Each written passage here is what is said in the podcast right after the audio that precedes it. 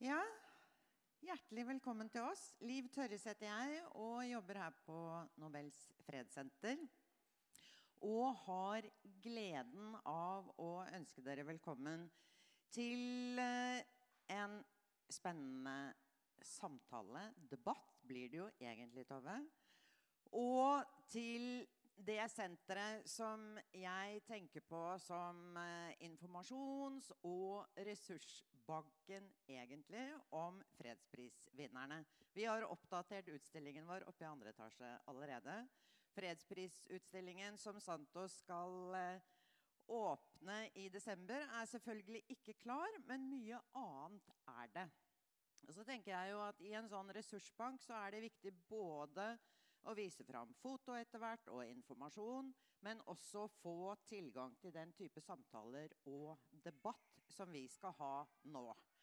Jeg skal introdusere menneskene dere ser foran dere hvert øyeblikk. Men før jeg gjør det, så må jeg da gjøre dere oppmerksom på at uh, de av dere Det kan tenkes at det blir litt lite spørsmål, for å si det mildt. Uh, nei, litt lite tid til spørsmål til slutt. Eh, fordi at noen av oss skal opp til Stortinget og gå i eh, tog osv. etter hvert. Men da kan dere legge ut kommentarer og spørsmål på hashtag Nobeldebatt. Hashtag Nobeldebatt. Og det står også oppe på veggen der. Kjempesmart. Så skal dere også vite at det lages en podkast etterpå Sånn at de av dere som har lyst til å sjekke om de virkelig sa det dere trodde at dere hørte, dere kan sjekke det på podkast etterpå.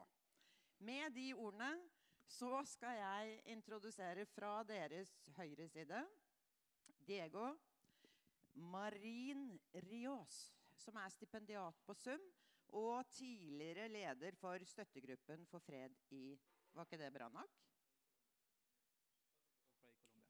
Ja? ja. ja for fred i Colombia. Jeg kom bare ikke så langt ennå. Benedicte Bull, som er professor på SUM, Senter for utvikling og miljø. Og som i tillegg er leder for forskningsnettverket om Latin-Amerika. Så har vi Asle Sveen, som er nobelhistoriker. Og det kommer dere til å skjønne mer hva egentlig innebærer etter hvert. Og så har vi da Tove, som skal lede disse tre eminente debattantene gjennom denne timen. Tove Gravdal, journalist, Morgenbladet, og som kan Colombia og fredsprosessen ganske så godt. Vær så god, Tove. Takk skal du ha, Liv. Eh, vi går rett på. Det skal eh, være mulig for dere å få stilt noen spørsmål også mot slutten, men eh, jeg starter først, og det er veldig mye å snakke om. Men jeg vil først ha litt historikk, Asle. Du har altså skrevet, eller bidratt i hvert fall til en del bøker som er skrevet om fredsprisen, og hva fredsprisen pleier å være. Og da det ble flertall mot eh, fredsavtalen 2.10. i Colombia, så var det jo eh, mange kommentatorer som mente at nå var sjansene for at eh, Colombia fikk fredsprisen, var gått drastisk ned. Var du overrasket over at Santos fikk den likevel? Jeg var litt overrasket over at, ble, at bare Santos fikk prisen, og at ikke FARC fikk prisen. Men ellers så må jeg si at vårt eminente nettsted, nobiliana.com, vi hadde Colombia på førsteplass selv, om, selv etter, eh, etter, at ble, avstemningen var, Hvor, viste nei. Hvorfor det? Nei, Vi eh, tenkte på at komiteen ville ta sjansen på å være en pådriver, som de har vært da med vekslende hell. Det kan jeg kanskje komme inn på. Eh, men jeg tror at det, vi trodde at de ville tørre å, å gi prisen allikevel. Ehm, er prisen i tråd med Alfred Nobels testamente, som, som Kasi Kullmann Five sa? Jeg vil si det. Altså der er det jo snakk om nedrustning og fredskongresser. Så må vi si at dette her må være rett innenfor eh, Nobel, altså eh, testamentets ordlyd. Hvilke tidligere priser vil du sammenligne denne prisen med? Ja, vi kan ta de nesten katastrofale først, kanskje. Og da må vi tilbake til uh, 1973, hvor Vietnamkrigen var på slutten. Eh, og hvor eh, da eh, president Nixons utenrikspolitiske rådgiver Henry Kissinger prøvde å få til en avtale med Nord-Vietnam. De forhandlet i Paris med Le Doc To, som var representant fra Nord-Vietnam. Det endte med at Kissinger og Nixon satte i gang en bombing av Vietnam for å tvinge dem, Nord-Vietnam for å tvinge dem til, til forhandlingsbordet. Og det var i jula 72 hvor til og med tidligere Einar Gerhardsen gikk i protesttog. Dette vet jeg nøye om, for jeg satt nemlig da i sentralstyret for solidaritetskomiteen for Vietnam og var med på å arrangere protestdemonstrasjonen. Eh, så fikk vi en fredsavtale, eller en våpenhvile, i januar 73. Eh, den røyk. Den var allerede krigen var i gang igjen da overraskende nok Nobelkomiteen annonserte at Henry Kissinger og Le Doctor fikk fredsprisen. Men ble jo, krigen ble jo slutt etter ja, hvert? Ja, det, den ble slutt. Men det som skjedde, var jo at Le Doctor han sa jeg nekter å motta prisen. For det, på en måte ble det jo den, at den som fikk bombene over seg, fikk fredsprisen sammen med den som droppet dem. Og dessuten sprakk Nobelkomiteen. To medlemmer gikk ut i protest. og Dette her er regnes som den prisen som er minst vellykket. Men uh, hva, er det noen vellykkede eksempler på, som er sammenlignbare med Santos? Jeg har lyst til likevel å ta veldig raskt Midtøsten-prisen. Ja, veldig, raskt. veldig raskt. For da sprakk komiteen igjen. altså I 1994, da Arafat, Rabin og Peres fikk prisen. Kåre Kristiansen, som satt i Nobelkomiteen, gikk ut i protest mot det han kalte en terrorist, fikk fredsprisen. Og Oslo-avtalen har jo ikke akkurat vært noen suksess.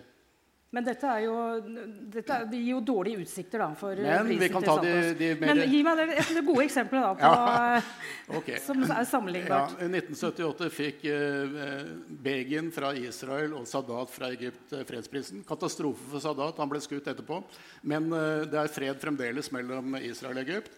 Men kanskje vi skal ta en virkelig vellykket pris, og det er jo Mandela og de Klerk i 1993.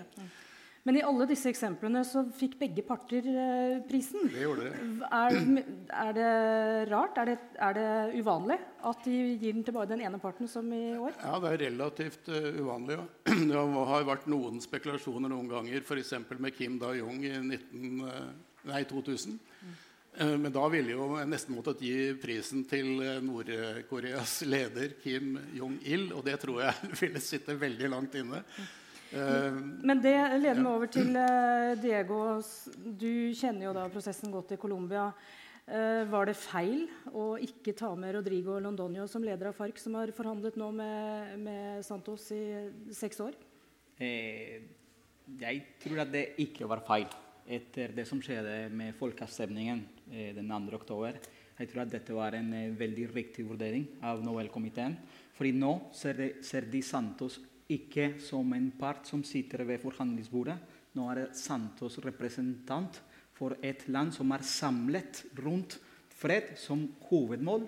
Og han er president både eh, til nei- og ja-side. Hvis vi, ser, hvis vi ser på hele vurderingen av Nobelkomiteen, ser vi at denne er en prisen som går til spesielt ofrene av konflikten og alle partene som sitter ved forhandlingsbordet. Så jeg tror at dette er en veldig eh, bra løsning. Og dette også viser en eh, riktig politisk vurdering av Nobelkomiteen. Londonio har jo sagt på Twitter at han gratulerer Santos og var glad for prisen. Men eh, kan, altså nå sitter de jo faktisk i Havanna og må reforhandle denne avtalen etter et nei i folkeavstemningen. Hva gjør, hva gjør, det med Londonios vilje til å strekke seg enda litt lenger, når han allerede har strukket seg så langt som han har gjort, at han blir utelatt fra fredsprisen? Nei, jeg tror at uh, fred som politisk mål i FARC er større enn en fredspris. Så jeg tror at de skal bare gå videre med, med de, de planene de har.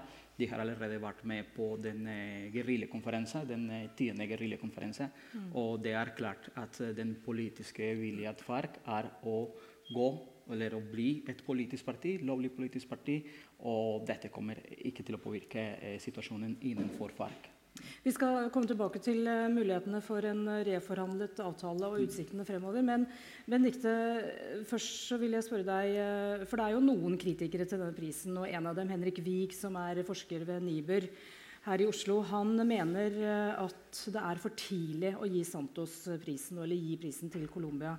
Og mener at den burde heller vært brukt som en gulrot for at de skulle kunne fullføre den prosessen som da ble sendt inn i en krise 2.10. Hva syns du om det å utsette pris, pristildelingen?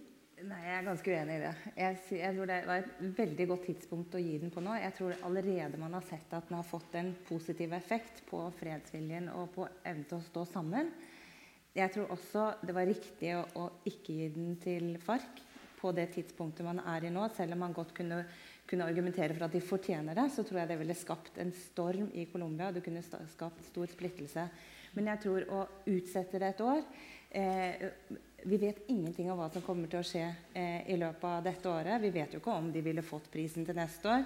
Det kunne jo dukket opp andre kandidater. og Jeg tror heller ikke jeg tror, altså De interessene som man har nå i de forhandlingene, både eh, altså særlig da Orive, som har vært eh, nei-general, eh, de er mye sterkere enn ønsket om en fredspris. Jeg tror uansett ikke det ville få noe veldig stor effekt. Hva syns dere om at, uh, at Ingrid Betancourt, som var fange hos FARC i seks år, hun mener jo at FARC burde også ha fått vært del av denne prisen? Ja, jeg, altså jeg, har veldig god forståelse for det argumentet. Jeg tenker altså De har i like stor grad lagt en fredsvilje på bordet de siste årene som, som Santos. Så, så, det er ikke noe på, en måte men, men reaksjonene i Colombia tror jeg ville vært så sterke på en, en pris til, eh, til FARC. Eh, nesten uavhengig av, av den folkeavstemningen, men, men, i hvert fall nå. Eh, da nominasjonen til Heikki Holmås ble kjent i februar. Eh, og den inkluderte jo også FARC og fem ofre for konflikten. Eh, altså jeg synes Det hadde vært viktigere å inkludere ofrene for konflikten. Kanskje Kanskje det hadde vært litt enklere, men da ville det vært veldig vanskelig for Nobelkomiteen å argumentere sånn som de gjorde nemlig med at dette er en pris på en måte til hele det colombianske folket og fredsviljen med Santos som, eh, som representant for det. Det ville jo vært vanskelig å argumentere for. Og det er vanskelig fordi FARC fortsatt i et flertall av den colombianske befolkningen betraktes som terrorister, terrorister. og kriminelle? Ja. Er det sånn? Hmm. Både ja og nei. Jeg tror at det, det handler mer om hvis Nobelkomiteen eh, begynner å velge noen aktører i Colombia da må de også eh, på en måte forklare hvorfor de og ikke de. ikke sant? Så det å dele landet i forskjellige aktører kanskje er feil akkurat nå. Fordi mm. det som skjedde etter folkeavstemningen, er, at eh, landet ble delt nesten i to. Mm. Like land, ikke sant? Eh, og dette, eh, denne prisen hjelper mye til å samle landet igjen i et land som vil ha fred så snart som mulig. Interessant. Eh, Benedicte nevnte Oribe. Det er altså Alvaro Oribe, så vidt jeg forstår, en karismatisk politiker som var Colombias sterke mann fra, fra 2000 til 2010. Stemmer ikke det? Han var president før Santos ble valgt i 2010. Han førte en knallhard politikk mot uh, FARC, og den ble satt ut i livet av Santos, som var uh, forsvarsminister i tre år da Oribe var eh, president, og da Santos overtok etter ham, så, så, var det jo mange som regnet med at han ville fortsette den politikken eh, Oribe hadde ført. Oribe følte seg sveket, sa han følte seg sveket da, da Santos innledet uh, en fredsprosess i stedet for å fortsette den militære kampanjen mot FARC. Og Oribe ledet da denne nei-kampanjen som vant i folkeavstemningen mot fredsavtalen 2.10. Men så møtte han Santos på onsdag. Så vidt jeg forstår er det første gangen de møtte hverandre siden 2010. Eh, da sa Oribe etterpå at han, villig, han er villig til å bidra i fredsprosessen. Og i går og søndag presenterte han eh, nei-sidens krav for at de skal kunne godta en reforhandlet avtale. Og de går bl.a. inn for at FARC uh, FARC-medlemmer som kjenner skyldig i krigsforbrytelser, skal straffes i fem til åtte år i stedet for å få amnesti, sånn som det ligger an til nå. Uh, Benedicte, tror du på Ribes fredsvilje? Eh, det er vanskelig å tro på Ribes fredsvilje. Han har gjort alt han kan for å sabotere prosessen i over fire år. Så fredsvilje eh, Men det, det, blir kanskje litt sånn svulstige ord i denne sammenhengen. Men at han at man kan komme til en løsning, det tror jeg. At, ha, at, han også har noe å forhandle på. Og at han også har andre interesser i den prosessen.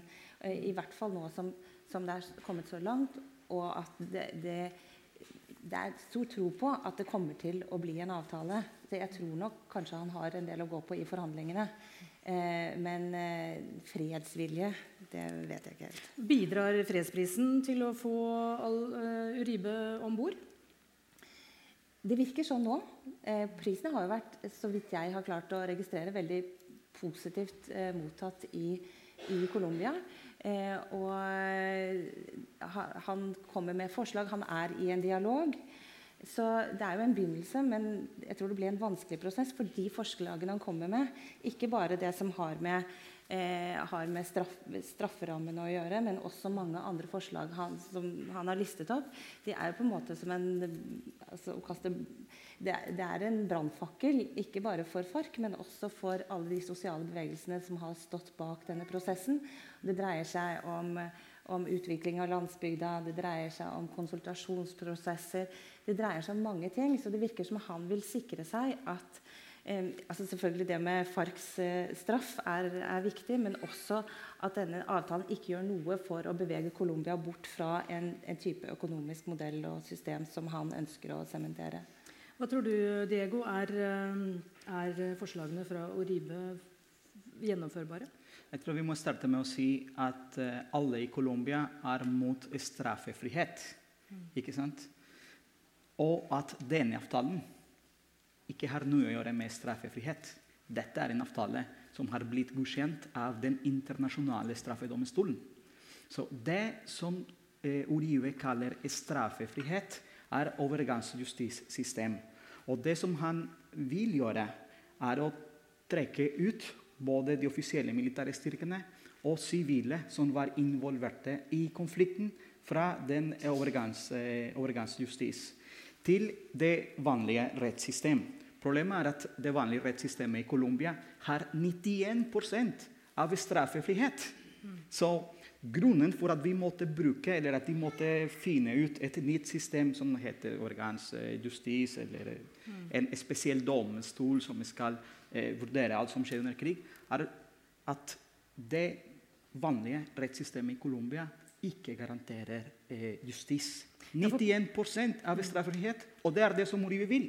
At alle disse sakene går til det vanlige systemet. Vi snakker om omtrent 15 000, mellom 15 og 20 000 rettssaker som skal til det vanlige systemet. Det er umulig. Ja, fordi i avtalen, så, avtalen innebærer at uh, det skal opprettes en egen domstol i Colombia mm -hmm. med deltakelse fra internasjonale dommere, som da skal uh, føre disse sakene ja. i kjølvannet av borgerkrigen. Og alle aktører alle aktører inn i dette systemet. Også på regjeringssiden? Ja. Regjering, paramilitære gruppene, eh, offisielle militære styrker og sivile som mm. var involvert i krigen. Altså. Jeg har bare lyst til å ta en veldig kort parallell. Da, det virker som kan kanskje skape litt optimisme. Sett i forhold til f.eks. For eh, prisen i 1994 til Oslo-avtalen. Mm. Der var det også mange løse tråder. Men der var jo motkreftene ekstremt sterke både på israelsk og på på palestinsk side. Og de klarte jo å ødelegge avtalen, da med kanskje parallellen til Santos, nemlig Isak Rabin, som jo ble myrdet. Mm.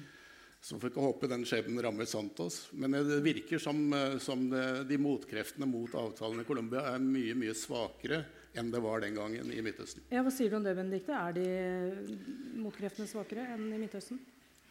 Jeg tror man har kanskje et sterkere politisk institusjonelt apparat, men motkreftene er ganske sterke også. Og jeg tror kanskje Jeg vil bare legge til eh, det som Diego sa. altså at eh, Det står helt eksplisitt i avtalen at de, en lang rekke alvorlige forbrytelser Det er helt uaktuelt at det nye systemet kan gi det amnesti, inkludert kidnappinger, voldtekter, forsvinninger, hvor alle de de alvorlige forbrytelsene som folk da forbinder med terroristene som er FARC, men som også selvfølgelig har vært begått av mange andre sider. Og det er vel eh, ja, det er vel mange på andre siden også, for å si det sånn, uten at jeg skal peke direkte på Oribe, som er redd for nettopp mangelen på straffefrihet som kan komme etter en sånn avtale. Du har jo også eh, militsgrupper som eh, direkte og indirekte har vært støttet av regjeringen, som har operert blir, Omfattes de også av denne justisen? Altså, må, vi må også se at 70 av eh, konfliktens ofre kom fra Uribes regjering. Så det var mellom 2000 og 2010 at vi fikk 70% av ofrene i Colombia. Mm. Så her snakker vi om regjeringen som må ta ansvar for det største flertallet av ofrene til denne konflikten. Og Derfor er Uribe så redd. fordi det som har skjedd er at Under hele prosessen Ofrenes krav har vært sannhet. Så hele systemet, det nye systemet er basert på sannhet. Dess mer sannhet, dess mer alternativ er eh, straff. Så hvis vi får sannheten, som er hovedmålet med dette systemet, da kanskje Olive må begynne å svare på noe. På mye av det som skjedde mellom 2000 og 2010. Og det arbeidet er i gang, er det ikke? For det er allerede opprettet et senter som samler eh, materiale om Mm. det som har skjedd i løpet av disse 52 årene borgerkrigen har pågått. Ja, det heter Centro Nacional de Memoria Histórica. Eh, Nasjonalsenter for minne og ja, noe sånt. Ja. Eh, men det er ikke en del av dette systemet. Det som er en del av systemet, er Sannhetskommisjonen. Ja. Som for første gang i, i historien er en sannhetskommisjon som er opprettet eh, rett fra forhandlingsbordet. Så det er ikke en eh, int- internasjonal krav eller en internasjonal institusjon som kommer til Colombia og sier til partene at de må opprette en eh, sannhetskommisjon. Det er begge parter som, som ble enige om å starte med en gang med Sannhetskommisjonen.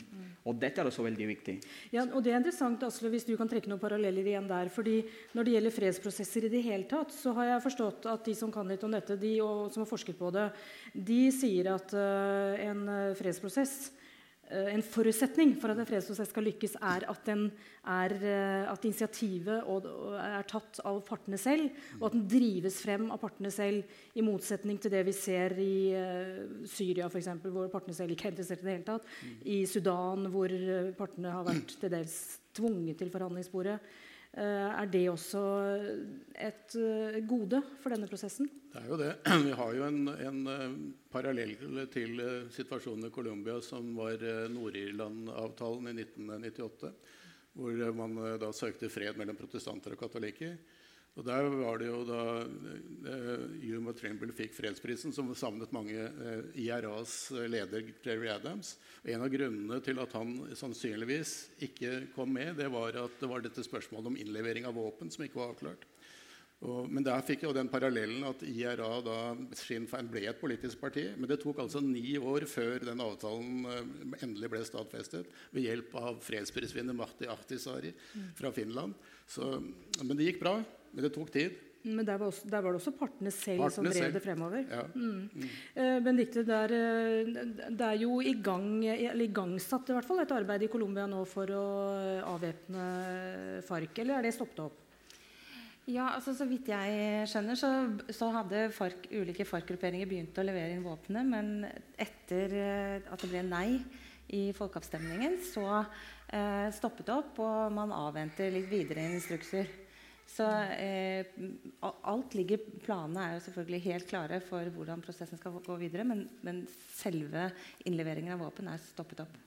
Og det kan vel hende at FARC vil holde på våpnene litt til, inntil de ser hvor det, det bærer hen. Men, men det, en våpenhvilen gjelder nå, Diego, fortsatt? Det er fortsatt på plass.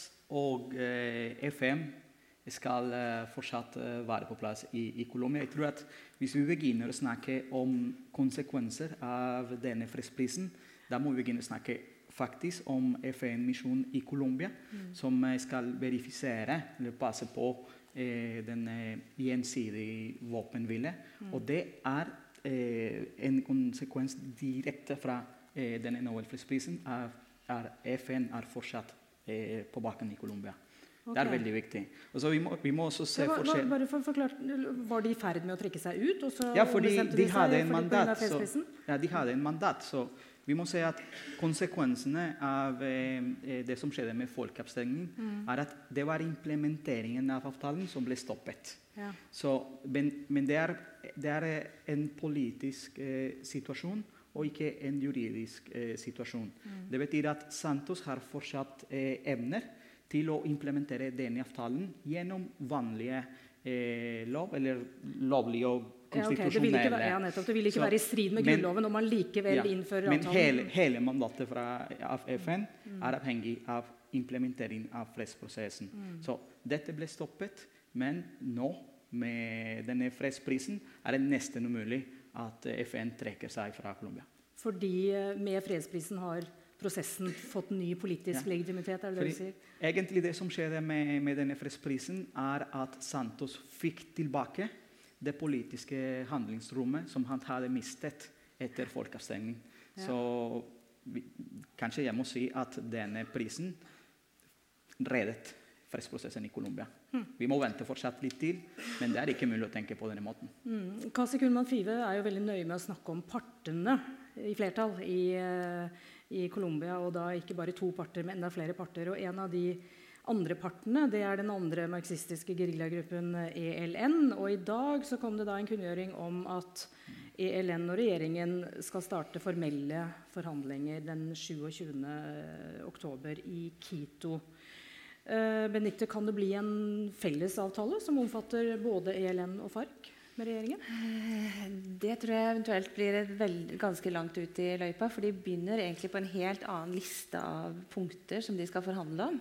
Eh, og det blir sikkert eh, også ganske vanskelige forhandlinger, fordi ELN er en helt annen type gerilja. Og de har mer, eh, en, altså deres punkter er mye mer ideologiske. Det går mer på hvordan de ønsker å endre Colombia, enn akkurat hva de ønsker for, for seg.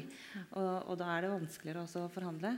Så jeg, jeg tror at det med en, en felles avtale det vet jeg ikke om det er noen planer om på det nåværende tidspunkt. Men det er klart at noen av punktene må jo også ha en del med hverandre å gjøre. Ikke minst det som går på overgangsjustis. For man kan på en måte ikke ha to helt forskjellige systemer for det. Og så er det jo viktig for Santos har jo understreket at det er utvikling i distriktene. Uh, minerydding, ting som kan, og, det å skape nye arbeidsplasser. Håp for den unge befolkningen som, som da vanskeligere blir rekruttert til eh, marxistiske geriljabevegelser, det vil jo være med på å kanskje eh, rydde unna for rekrutteringsgrunnlaget for ELN også? Det vil det nok helt sikkert. Så, men eh, jeg tror det viktigste nå er rett og slett bare at, at, forhandlingene er kommet i gang igjen. Og da tror jeg gjerne at, nei, at faktisk er kommet i gang, for dette er jo en lang prosess. De har vært i samtale lenge, men det har vært mye vanskeligere å få satt seg til forhandlingsbordet med ELN. Og, og tenker også kanskje dette har styrket viljen på begge sidene. fordi Et av hovedhindrene for å, for å begynne å forhandle med Helen var jo at de ikke hadde sluttet med kidnappinger, og at de fremdeles har, uh, har uh, personer. Og, så det er både på regjeringssiden at de faktisk har begynt forhandlingene på tross av det. Og det er vel også litt fordi at de vet at nå er det et momentum. Det haster veldig fordi at det er mye usikkerhet rundt omkring i konfliktsonene hva som skjer. Og da kan det jo blusse opp ting igjen rett og slett pga. usikkerhet. Men det er tydelig at uh, regjeringen er forberedt på at det kan bli vanskeligere å forhandle med ELN. Uh, Colombias høykommissær for fred, uh, Sergio Haramillo, han sa til meg i juni da jeg intervjuet han, at, at ELN har jo i motsetning til FARC ikke en hierarkisk struktur, så det er litt vanskeligere å vite hvem du skal forhandle med. Så han, så han, var forberedt på at det kunne bli harde tak. Har du en kommentar til det, Diego? Jeg snakket, jeg snakket i går med en av ELNs talsmenn fra mm. Og de forklarte at, eller hvorfor de begynte nå med, med samtalen med, med, med, regjeringen.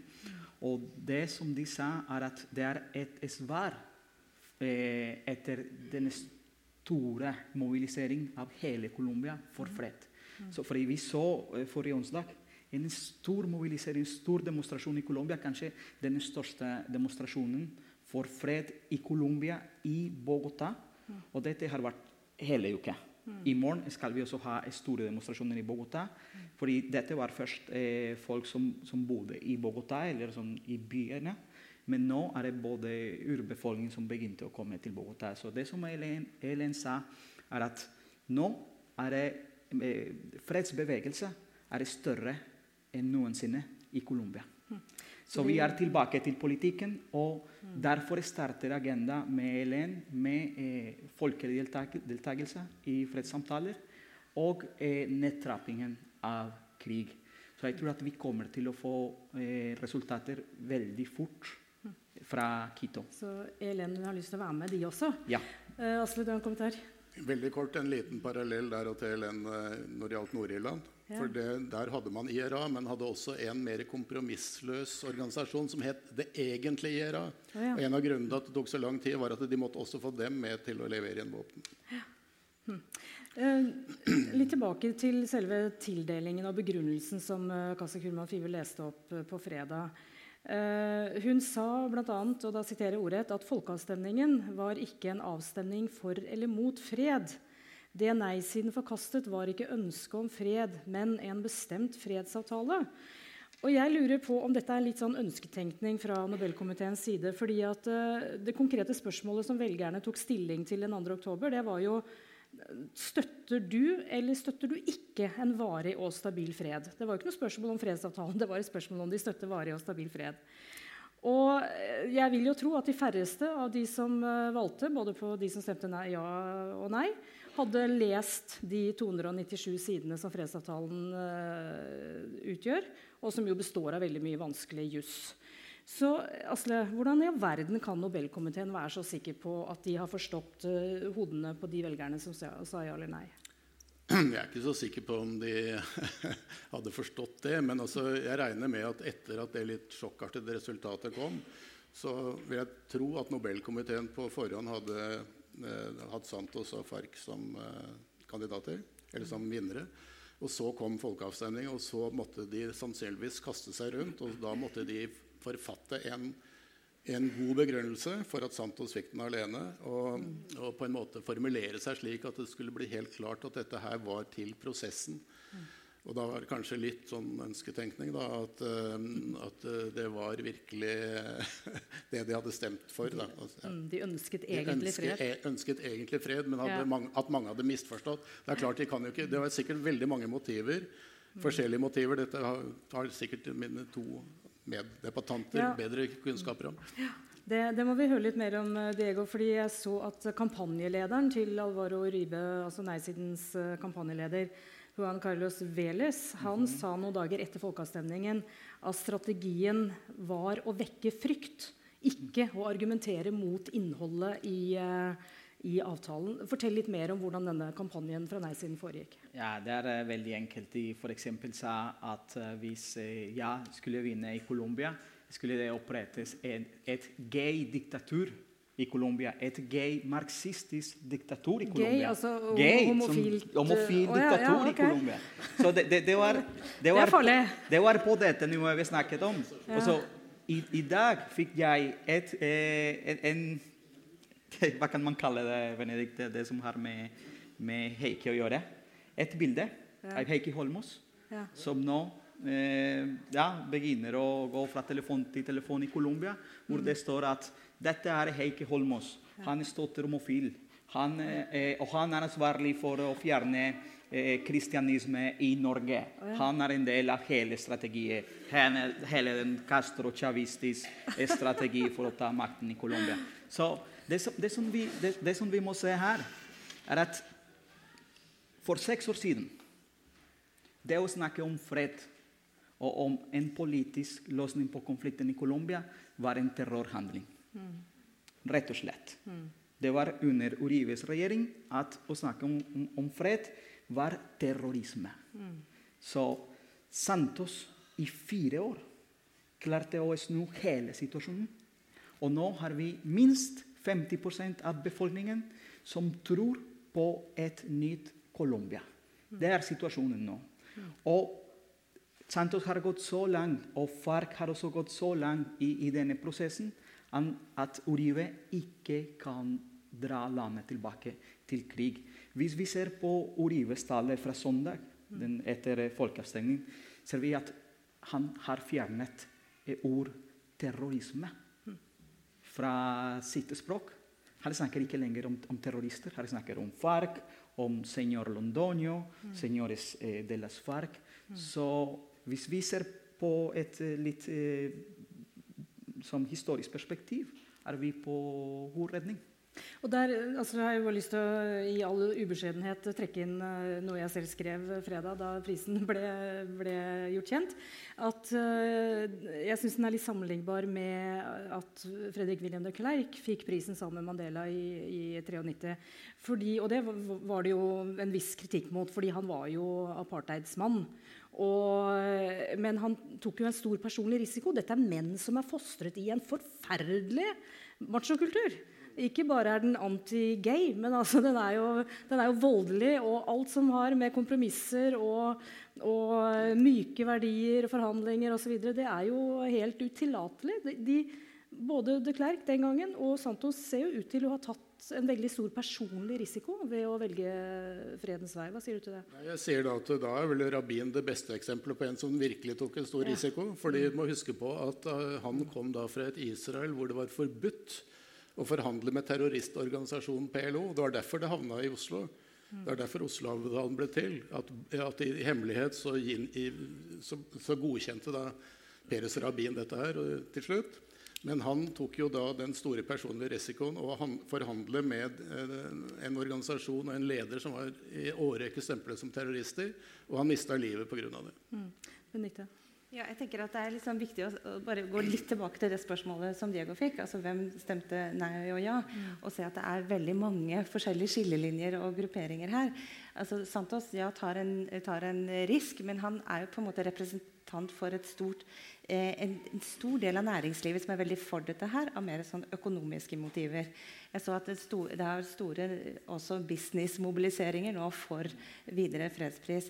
Og samtidig, hvis du ser på nei-siden Jeg tenker at Kasi hadde alt helt sitt på det tørre, også fordi at eh, også nei-siden sa jo at, eh, at dette er ikke et nei til, til eh, freden, men nei til avtalen. Men, men i deres kampanje så var det så mange andre ting som var oppe. Altså det, var, eh, det viser seg at de evangeliske altså sånn, Pinsekirken har vært kjempeviktige og, og vært veldig hard på at, at avtalen hadde et eller annet med, med verdi, altså kjønnsideologi å gjøre. Nå skulle alle fornekte sin kjønnsidentitet. Det har vært et viktig, eh, viktig tema. Og selv, selvfølgelig dette her med kommunisme har vært et viktig tema. Og ellers så ser du jo at at, at, eh, Nå snakker jeg litt som sånne nerdestatsviter som ser på sånne korrelasjoner og sånn, men at det, det, eh, henger veldig mye sammen. Det blir liksom Oribe mot Santos, egentlig. For det går veldig akkurat i de samme løpene som siste, valgom, siste presidentvalg. Og Diego, det var jo uvær i deler av landet. og så viser jo Meningsmålingene på forhånd viste jo at, eh, at det var stort ja-flertall. Og Santos var jo så selvsikker at han til og med reiste til New York og var der i mange dager i stedet for å drive kampanje i Colombia. Så var det mange som eh, ville ha stemt, og som lot være å stemme fordi at de regnet med at dette var eh, resultatet var gitt på forhånd. Ja, det skulle være helt annerledes. Fordi hvis vi ser på eh, måten Santos ble valgt til president eh, forrige gang, ser vi at det store flertallet han fikk, kommer fra akkurat det området. Det, Ja. Den karibiske kysten. Ja. Eh, og nå, eh, etter at eh, Nobel eh, fredspris gikk til, til Santos, begynner eh, Colombia eh, å vurdere og eh, åpne muligheten for at valg eller folkeavstemning kan, kan gjøres på nytt. Oh, ja. Akkurat i, i dette området. Oh, ja. Så på fredag hadde Santos ingen mulighet til å, til å snakke om dette. Hm. Kanskje i løpet av denne uken kommer vi til å få en, eh, et annet type resultat. Her snakker vi om fire millioner personer som skal stemme. Og det betyr at eh, den forskjellen av 52 000 stemmer Hm. skal bare forsvinne fra, fra hele bildet. Hva vil nei-siden si til det? da? Vil de gå med på det? Mm? Vil nei-siden gå med på en, eh, en Det vil jo være en ny, ny folkeavstemning i løpet av kort tid. Ja, det, er, ja, det kommer litt an på. Jeg tror at eh, de kommer til å lage mye bråk. Men hvis det er en avgjørelse, så det er bare å kjøre på. Og det som skjer, er at Santos igjen har, har en stor legitimitet. Og det er hele landet som samles eh, rundt Santos, ikke bare næringslivet. Det er, jeg så et brev i går som er signert av 400 av de store investorer i Colombia. Men også militærene som sitter i fengsel. Det sendte også et brev til Juan Manuel Santos. Her snakker vi om 2700 militære som sitter i fengsel. Eh, og de støtter fredsprosessen. Også tidligere paramilitære ledere sendte også et brev til Santos og sa at de støtter fredsprosessen. Så det er mange som samles nå rundt Juan Manuel Santos for å støtte denne, denne fredsprosessen. Det er veldig interessant. Jeg har bare lyst til å, komme, Før vi går og snakker litt om eh, fremtiden og hva som skal skje videre, så har jeg bare lyst til å komme litt tilbake til eh, en diskusjon rundt dette med fredsprisen og hvem som får den, og hvem som fortjener å få den. Moder Teresa var liksom Det var greit, for hun er, hun er jo snill og god. Men, om, litt omstridt, men eh, Men eh, da Mikhail Gorbatsjov fikk den eh, på 80-tallet, f.eks., så var det mange som kritiserte det, fordi han var tross alt en eh, autoritær leder i et uh, diktatur. Og, og, Santos er jo også han er jo ikke akkurat noen fredsdue. Han ledet jo da nokså tøffe militære aksjoner mot, mot FARC lenge som mange mener var forutsetningen for at FARC ville komme til forhandlingsbordet, fordi de, de ville aldri oppnå noe med, med å bruke våpen. Uh, hva hva syns du om det, Asle? Det, må vi bare erkjenne at det er realpolitikken som rår, også når man skal lage fred? Absolutt. Det er veldig få Det er vel bare én, og en helgen. Ja. og det er mor Teresa, som jeg skal avstå fra å si min personlige mening om.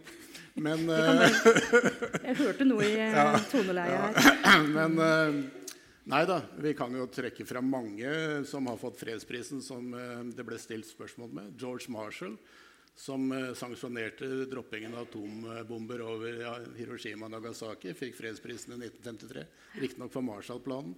Men, eh, men altså det, altså komiteen vurderer jo hva som kan eh, altså Innenfor testamentet, da, hva er det som kan ha skapt fred? Så har de utvidet fredsbegrepet. altså Den store debatten om f.eks. Eh, 2007-prisen til Al Gore og klima, altså FNs klima eh, om, om, det er innenfor fredsbegrepet. Og, og, det komiteen bruker da, det er det såkalte brorskapsavsnittet i testamentet. Mm at, uh, at, det blir, altså Dalai Lama formulerte slik ja, det kan bli fred, men det må være en rettferdig fred.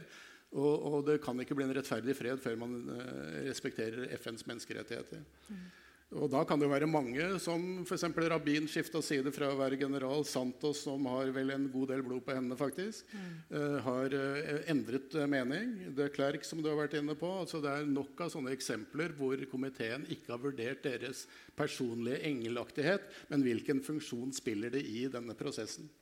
Fryktelig vanskelig da, med det prinsippet fra Dalai Lama. fordi i den overgangsjustisen det er jo veldig mange eksempler på at den kan jo ikke bli 100% rettferdig.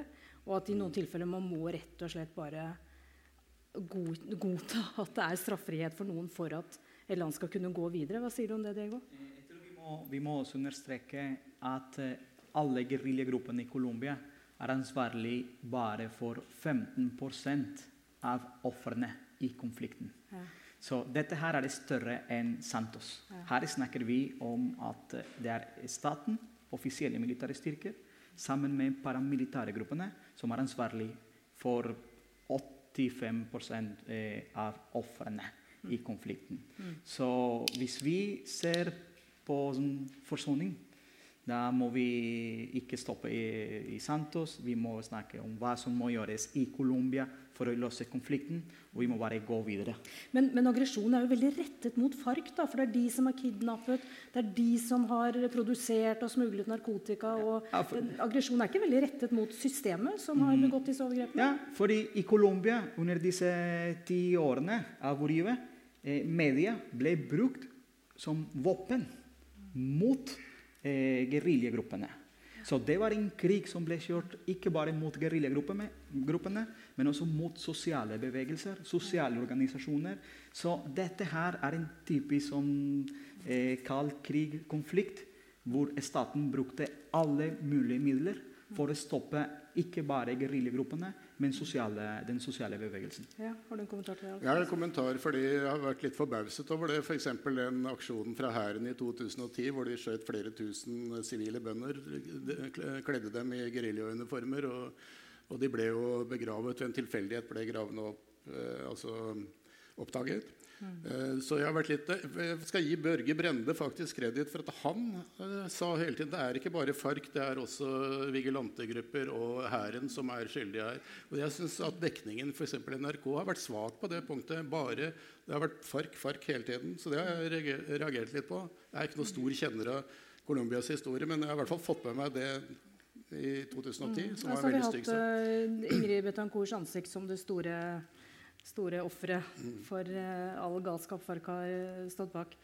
Uh, hva sier du om det, Benedicte? Syns du dekningen har vært skjev? Eh, ja, det synes jeg. Jeg følger jo veldig mye med på dekning i Latin-Amerika. Og jeg syns jo faktisk NRK er litt mer balansert enn mye av det vi ser derfra. Altså både altså USA-medier og det man ser i Latin-Amerika. Jeg la også veldig merke til Børge Brendes uttalelser både etter nei-et på søndag og etter fredsavtalen. Mm. At han er, legger veldig vekt på begge deler. Men det er en overveldende mediefremstilling eh, internasjonalt om at eh, utgangspunktet for eh, det som skjer i altså konflikten i Colombia, er at det dukket opp en eh, væpnet gruppe som er på en måte innebegrepet av det onde. Og dermed eh, rettferdiggjør strategien til Oribe som bare blir kvitt de, så er du ferdig med konflikten i Colombia. Og sånn er det jo selvfølgelig ikke. Mm. Hvordan, er det med, hvordan er det i colombianske medier nå? da? Er det, åp, er det åpenhet for å peke mm. på systemets skyld ja. i uh, overgrepene? Eh, ikke nødvendigvis på denne måten, men de har stoppet å kalle f.eks. Eh, geriljagruppene for terrorister. Nå er det stoppet. Nå snakker vi om en eh, politisk konflikt. Og dette startet da Santos eh, tok makten, eller kom som, som, president i landet. Så det er en stor endring. Jeg, jeg vil si at vi bare gikk tilbake til, til politikken. Mm. Og derfor snakker vi eh, om en fredsprosess, fredsforhandlinger. Og jeg, jeg, må også si at i disse fem ukene av valgkamp mot uh, folkeavstemning. Jeg tror at uh, politikk i Colombia har utviklet seg mye. Det som vi ser på gata nå, er politikken på sitt beste nivå i Colombia i de siste 50 år. Så vi må også snakke mye om det. Vi må skrive om det. Hvordan et land som var inn i en krig hvor eh, media og alt ble brukt for å på en måte eh, eh, for å fjerne opposisjonen, mm. eh, for å fjerne den sosiale bevegelsen. Nå snakker om fred, mobiliserer store store eh, mengder av folk på gata. Mm. Det er utrolig. Det er utrolig. Og det er ganske interessant å legge merke til at uh, det som skjer i Colombia nå, nærmest blir, uh, blir brukt som en sånn uh, Um, sånn, hva heter det, litt sånn uh, mot, motstykke til det vi ser i resten av verden, hvor det går galt så mange steder. Og jeg hørte det på FNs talerstol i New York under uh, toppmøtet nå i september, hvor både Obama, president Obama og eh, FNs generalsekretær Ban Ki-moon nevnte Colombia og snakket ganske mye om Colombia faktisk, som det håpet de hadde da for verdens utvikling. Og, og, det er jo også klart at uh, denne historien, hele denne historien med disse hemmelige meldingene som ble brakt, fraktet mellom FARC og regjeringen fra september 2010 uh, eh, ved hjelp av en mellommann, en forretningsmann fra Kali, var det vel, Henry Acosta som har fortalt, nå har begynt å fortelle sin historie, og, og, hvordan de fløy med sjøfly fra Colombia over til Havanna da de skulle møtes første gangen i, i, februar 2012. og Alt var hemmelig, og det var fryktelig risikabelt at det lekket hva de holdt på med. Så til kunngjøringen i oktober 2012 her i Oslo om at nå innledet de forhandlinger. Altså, det er jo en fantastisk eh, filmmanuskript. Det er jo helt utrolig. Så den historien kommer jo sikkert eh, Oliver Stone eller noen til å, å, vise oss. Men vi må se litt, nå kan dere bare begynne å forberede spørsmål. Dere har sikkert eh, noen eh, tanker dere vil dele. Men vi må snakke litt om hva som skjer framover. For i alle fredsprosesser så en, så uh, har man lett for å tenke at ok, nå er det en avtale. Og vi, som dere sier, det er, blir jo antagelig en avtale som får tilslutning da, i folket. Og, og, men det er jo bare begynnelsen. Det er jo det som skal skje etterpå, når den skal iverksettes. Og det er mye vanskelig som skal iverksettes med, med overgangsjustis, uh, sosial utvikling, minerydding, ikke, ikke minst. Det er verdens nest mest minelagte land etter Afghanistan. Eh, Benedicte, hva, hva, tror du skjer framover? Det er jo allerede i 2018 må Santos gå av som president. Vil denne fredsavtalen holde gjennom et nytt valg? Ja, det er så mange usikkerhetsmomenter. Altså, det du begynte med å snakke om, altså implementeringsprosessen av en fredsavtale, det, den er jo kjempelang. Og det er alle de sånn, rett og slett implementering av delene. Men det viktigste, det store spørsmålet er jo hvordan å skape legitim autoritet i de konfliktområdene som, hvor er, man har demobilisert. Man på en måte ikke har noen statlig autoritet til stede. Det tenker jeg er den langsiktige og veldig vanskelige oppgaven. Mm om en fredsavtale vil holde gjennom et nytt valg. Altså, det kommer jo helt an på da hvilket, slags, altså, om man nå får en ny avtale på plass relativt fort. om da Santos og hans side kommer styrket ut av det. Det var jo helt på hengende håret at han mistet makten i, i 2012 til Oribes utvalgte kandidat. 2014. Eh, 2014, unnskyld. Mm. Eh, så det avhenger av veldig mange faktorer. Eh, men jeg tenker altså en undertegnet fredsavtale med alle parter nå, eventuelt også med LN, mm. vil være viktig, viktig for den siden å vinne også i, i, i, et valg. Men hvis man da også har Oribe-siden med seg, så har man kanskje noe større trygghet på at en avtale vil fortsette uansett. Men de skal sette i gang med vanskelige ting. altså Det er snakk om seks millioner flyktninger som øh, vel ønsker å vende tilbake igjen til sine hjembyer. Du har 25 eh, 000 eh, forsvunne. Det er masse graver som skal graves opp, lik som skal identifiseres. Det er en forferdelig krevende oppgave som nå ligger foran dem. Diego? Jeg tror at eh, Colombia er et land som må sørge. Vi må eh, eh, på en måte erkjenne det som har skjedd. Er, folk i Colombia visste ikke at vi hadde f.eks. Eh, noen i eksil.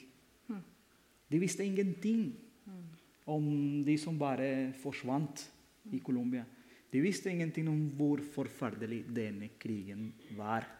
Så vi må gå gjennom en periode, en veldig mørk periode for å erkjenne dette. Eh, og etter det er det bare forsoning som kan, eh, som kan ta oss videre i prosessen. Og samtidig reformer.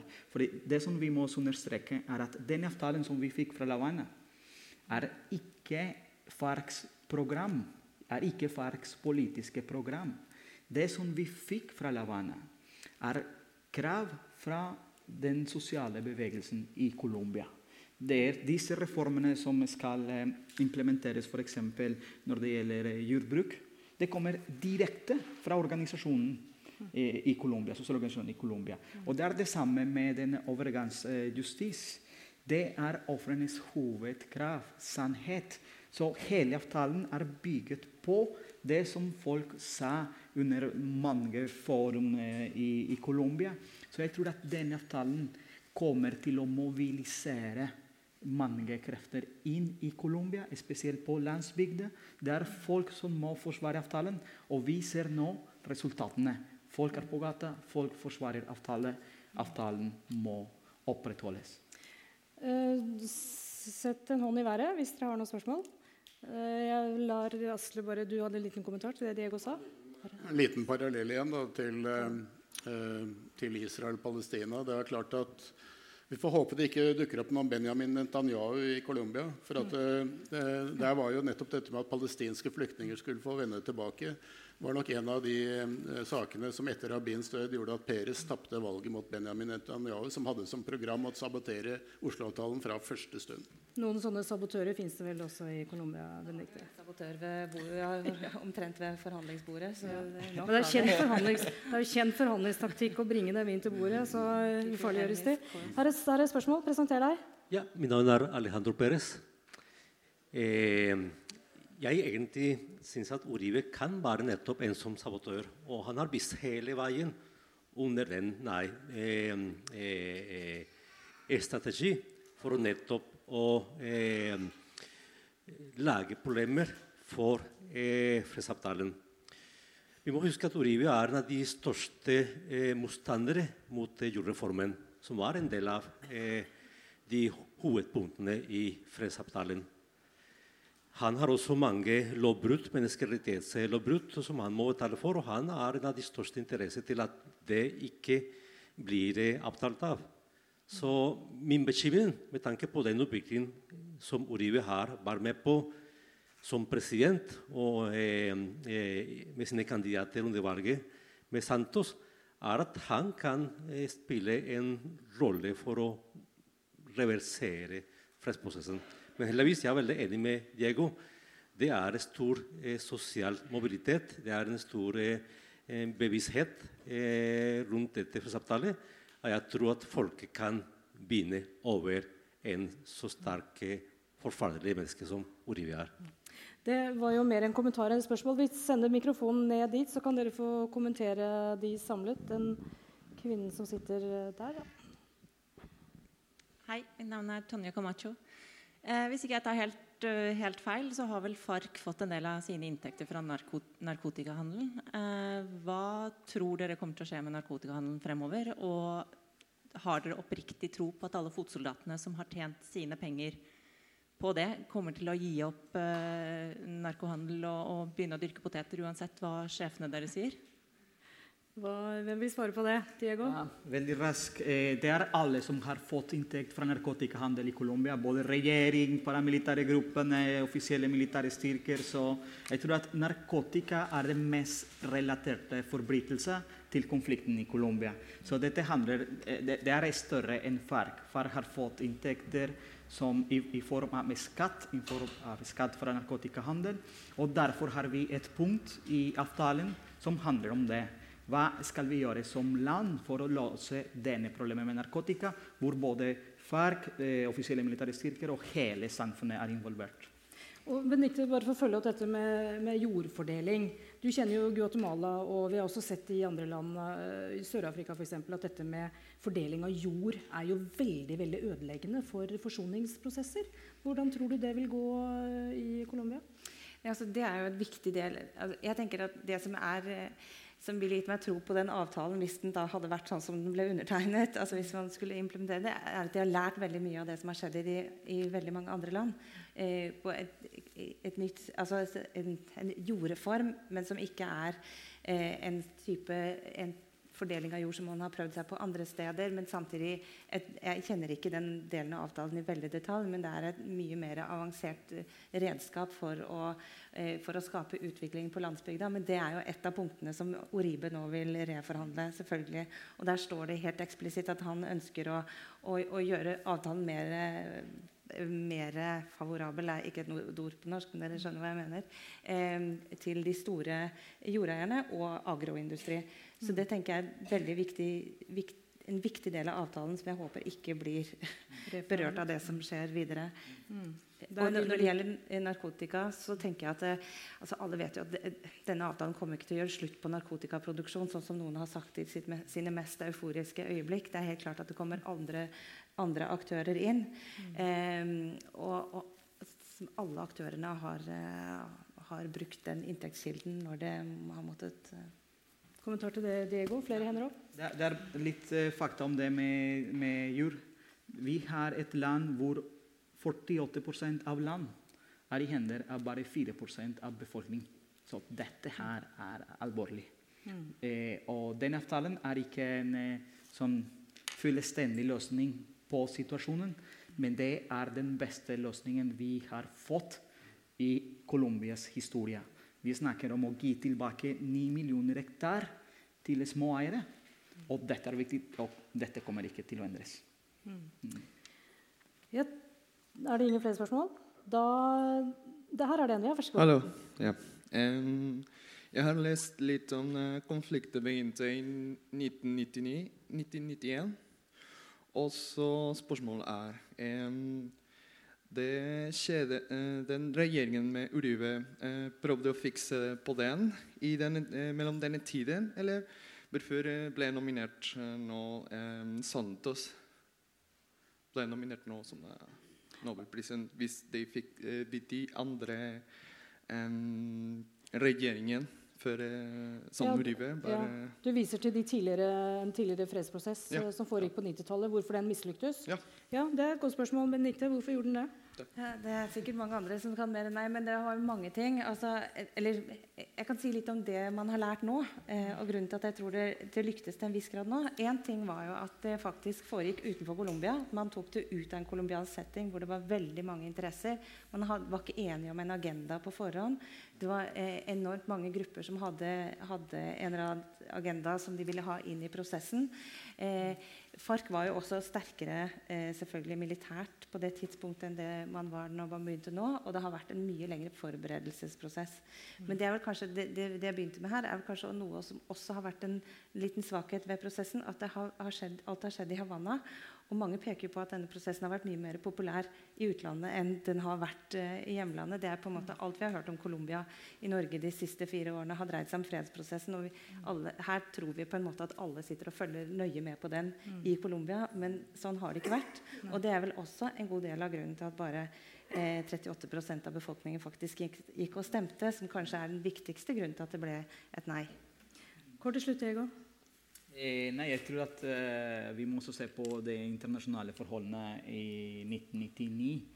Også, vi fikk eh, Plan Colombia fra USA, som betydde 10 000 millioner i militær eh, støtte til Colombia.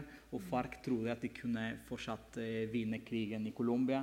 Og akkurat nå, hvis vi ser forskjellen på hva som, som var Latin-Amerika da og, og, og der, og hva som vi har som Latin-Amerika nå, med en stor, alter, eller, mange alternative regjeringer. Så jeg tror at det er en helt annerledes situasjon hvor både eh, interne eh, faktorer og eksterne faktorer spiller eh, viktige roller. Mm. Så har det vært en litt artig kombinasjon av Castro-regimets og den høyrestyrte regjerings innsats for å, for å, få til eh, fred i eh, Colombia, som da forhåpentligvis lykkes. Ja, kort. Ja, Vi nordmenn har jo en tendens til å ta, være litt selvopptatt. Og kan si da at eh, Siden Oslo-avtalen var Oslo-avtalen med nordmenn involvert, og den ikke gikk så bra, det mislyktes på Sri Lanka, så har vi et ganske sterkt behov nå for at dette skal lykkes. Eh, fordi Norge har vært så involvert i prosessen. Men Var det derfor eh, den norske Nobelkomiteen ga prisen til Santos? Nei, det, det, det var det nok ikke. Men eh, vi, som historiker kan jeg vel si at såkalt Norwegian Connection opp gjennom historien har spilt en viss rolle. Det er en fin punchline. Liv, er du her? Jeg tror vi er her.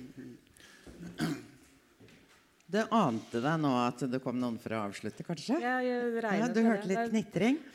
Jeg foreslår at uh, Ja, vi har tidsbegrensninger, som dere skjønner. Så spørsmål og kommentarer dere ikke fikk plass til nå, det sender dere ut på sosiale medier med hashtagene som dere ser på tavlen her. Og da foreslår jeg rett og slett for de av oss som skal i fredsmarsj og opp til Eidsvolls plass, at vi nå avslutter her. Og at vi da gir en stor applaus til panelet og til Tove og takker for nå her på Fredssenteret. Og så har vi, før dere begynner å klappe, så har vi da poser Asle ser litt sånn nysgjerrig ned i posen. Du kjenner nemlig den ene gaven. De får da en bok om Fredssenteret. Og de av dere som ikke orker å bære den i fredsmarsj, kan legge den igjen her. Og så kan dere komme og hente den senere. For dere kommer jo tilbake som alle dere andre som sitter i salen. Og du som har fått denne boka før, Asle, du kan gi den bort i julegave. Ja. Gnistrende godt gavetips. Og så er det selvfølgelig da eh, fredsprismedaljer i sjokolade. Ja. Det syns jeg dere alle fortjener. Så stor takk til dere alle fire, og applaus.